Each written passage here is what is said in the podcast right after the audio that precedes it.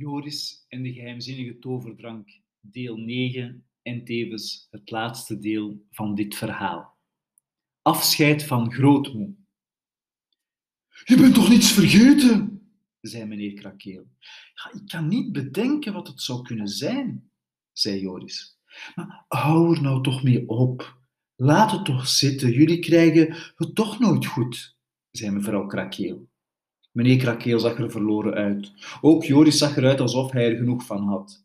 Hij zat nog steeds op zijn knieën op de grond met de lepel in een hand en het kopje met toverdrank in de andere. Het belachelijke nietige bruine kippetje liep langzaam weg.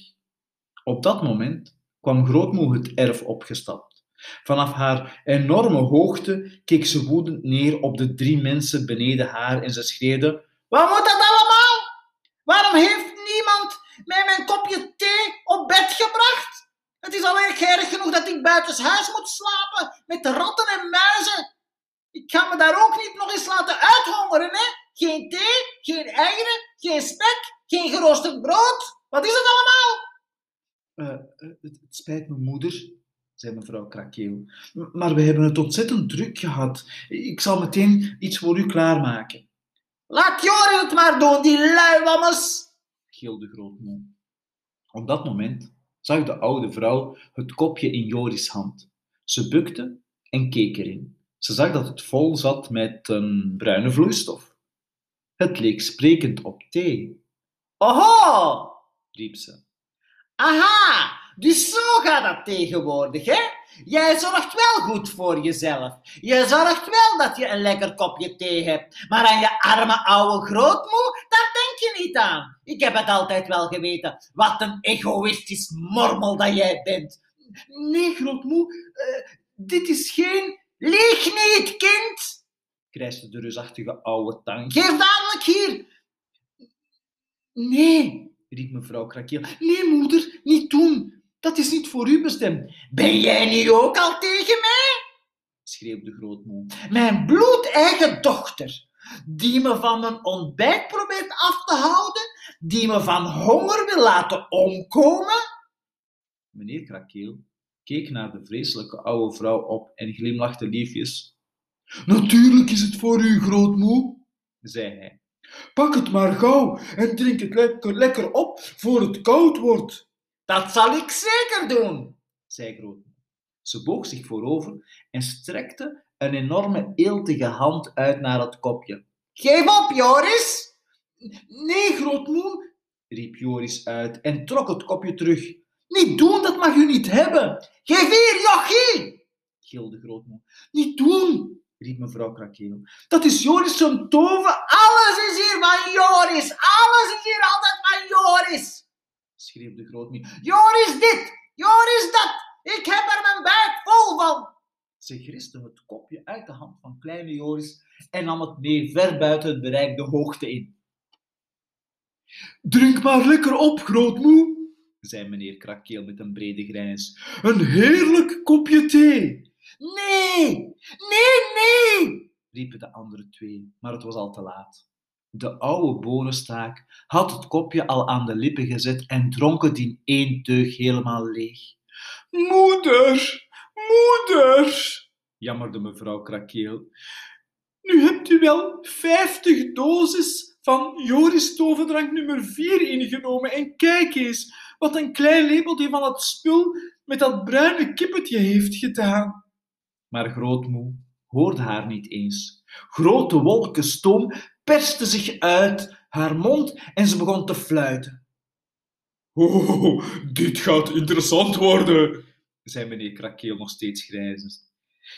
Kijk nou eens wat je hebt gedaan, riep mevrouw Krakeel met een woedende blik naar haar man. Je hebt dat oude mens om zeep geholpen. Ik deed niks, zei meneer Krakeel. Oh, jawel. Je zei dat, dat ze het moest opdrinken. Er klonk een geweldig gesis boven hun hoofd. Stoom spoot uit grootmoes mond, neus en oren met een luid gefluit. Ze zal zich vast beter voelen als ze een beetje stoom heeft afgeblazen, riep meneer Krakeel. Oh, stra straks spat ze nog uit elkaar, jammerde mevrouw Krakeel. Haar ketel staat op springen. Dekking zoeken! riep meneer Krakeel. Joris schrok er echt van. Hij stond op en rende een eindje achteruit. De stralen witte stoom bleven uit het hoofd van de oude heks blazen en het gefluit werd zo hoog en schel dat het pijn deed aan de oren. Bel de brandweer! Bel de brandweer! riep mevrouw Krakeel. Bel de politie! Kom aan! Alle mensen aan dek! Te laat. zei meneer Krakeel tevreden. Groot, grootmoe! Grootmoe! Moeder! Moeder! Krijste mevrouw Krakeel. Ze wist niet wat ze zag. Ze wist helemaal niet wat er gebeurde. Ren naar de watertrog en hou je hoofd onder water. Probeer af te koelen, alsjeblieft. riep ze verder. Maar terwijl ze dit zei, hield het fluiten plotseling op en verdween de stoom. Toen begon grootmoe kleiner te worden. Ze was begonnen met haar hoofd even hoog als het dak van het huis, maar nu begon ze snel te dalen. Let goed op, Joris, schreeuwde meneer Krakeel. Hij danste het erf rond en zwaaide met zijn armen. Kijk wat er gebeurt als iemand 50 eetlepels in plaats van één inneemt. En al gauw was grootmoe weer tot haar normale lengte gekrompen. Oh, stop, stop, riep mevrouw Krakeel. Zo is het precies goed. Maar ze stopte niet langer. Ze werd kleiner en kleiner en kleiner. Ze daalde al lager en lager en lager. En anderhalve minuut later was ze niet groter dan een limonadeflesje. Hoe, hoe, hoe voelt u zich, moeder? vroeg mevrouw Krakeel bezorgd. Grootmoes kleine gezichtje keek nog steeds even vals en gemeen als altijd. Haar ogen, niet groter dan de sleutelgaten in een poppenhuis, gloeiden van woede. Hoe ik? Gilde ze. Hoe denk je dat ik me voel? Hoe zou jij je voelen als je de ene minuut nog een machtige reus bent en de volgende een miserige dwerg? Ja. Ze gaat nog door, schreeuwde meneer Krakeel opgetogen. Ze wordt nog steeds kleiner en kleiner. En verhip ja, dat was zo. Toen ze niet groter was dan een sigaret, pakte mevrouw Krakeel haar op. Ze hield haar in haar handen en ze riep: Hoe kan ik haar laten ophouden met krimpen? Dat kun je niet, zei meneer Krakeel. Ze heeft wel vijftig keer meer dan het normale gehad. Ik moet haar laten ophouden, jammerde mevrouw Krakeel. Ik, ik, kan, ik kan haar nu al bijna niet meer zien.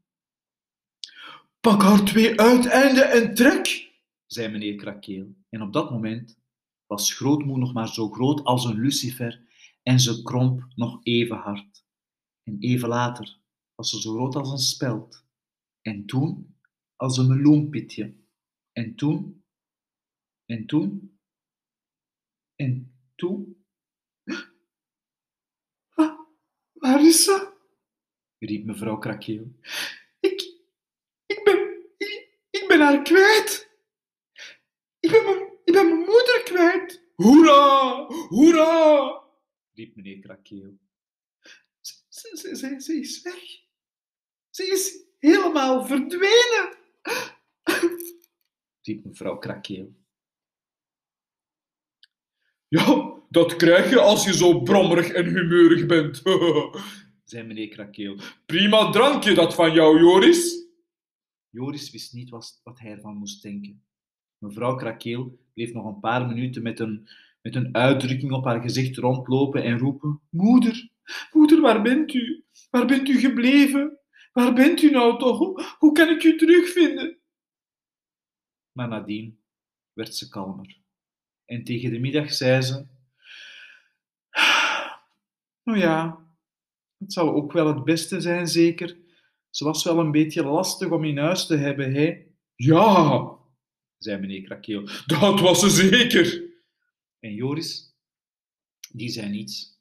Hij voelde zich wel zo'n beetje beverig. Hij, hij wist dat er die morgen iets geweldigs gebeurd was. Een, een paar korte ogenblikken had hij met zijn vingertoppen mogen tippen aan de rand van een wonderbaarlijke wereld. En dit was het verhaal van Joris en de geheimzinnige toverdrank. Tot later.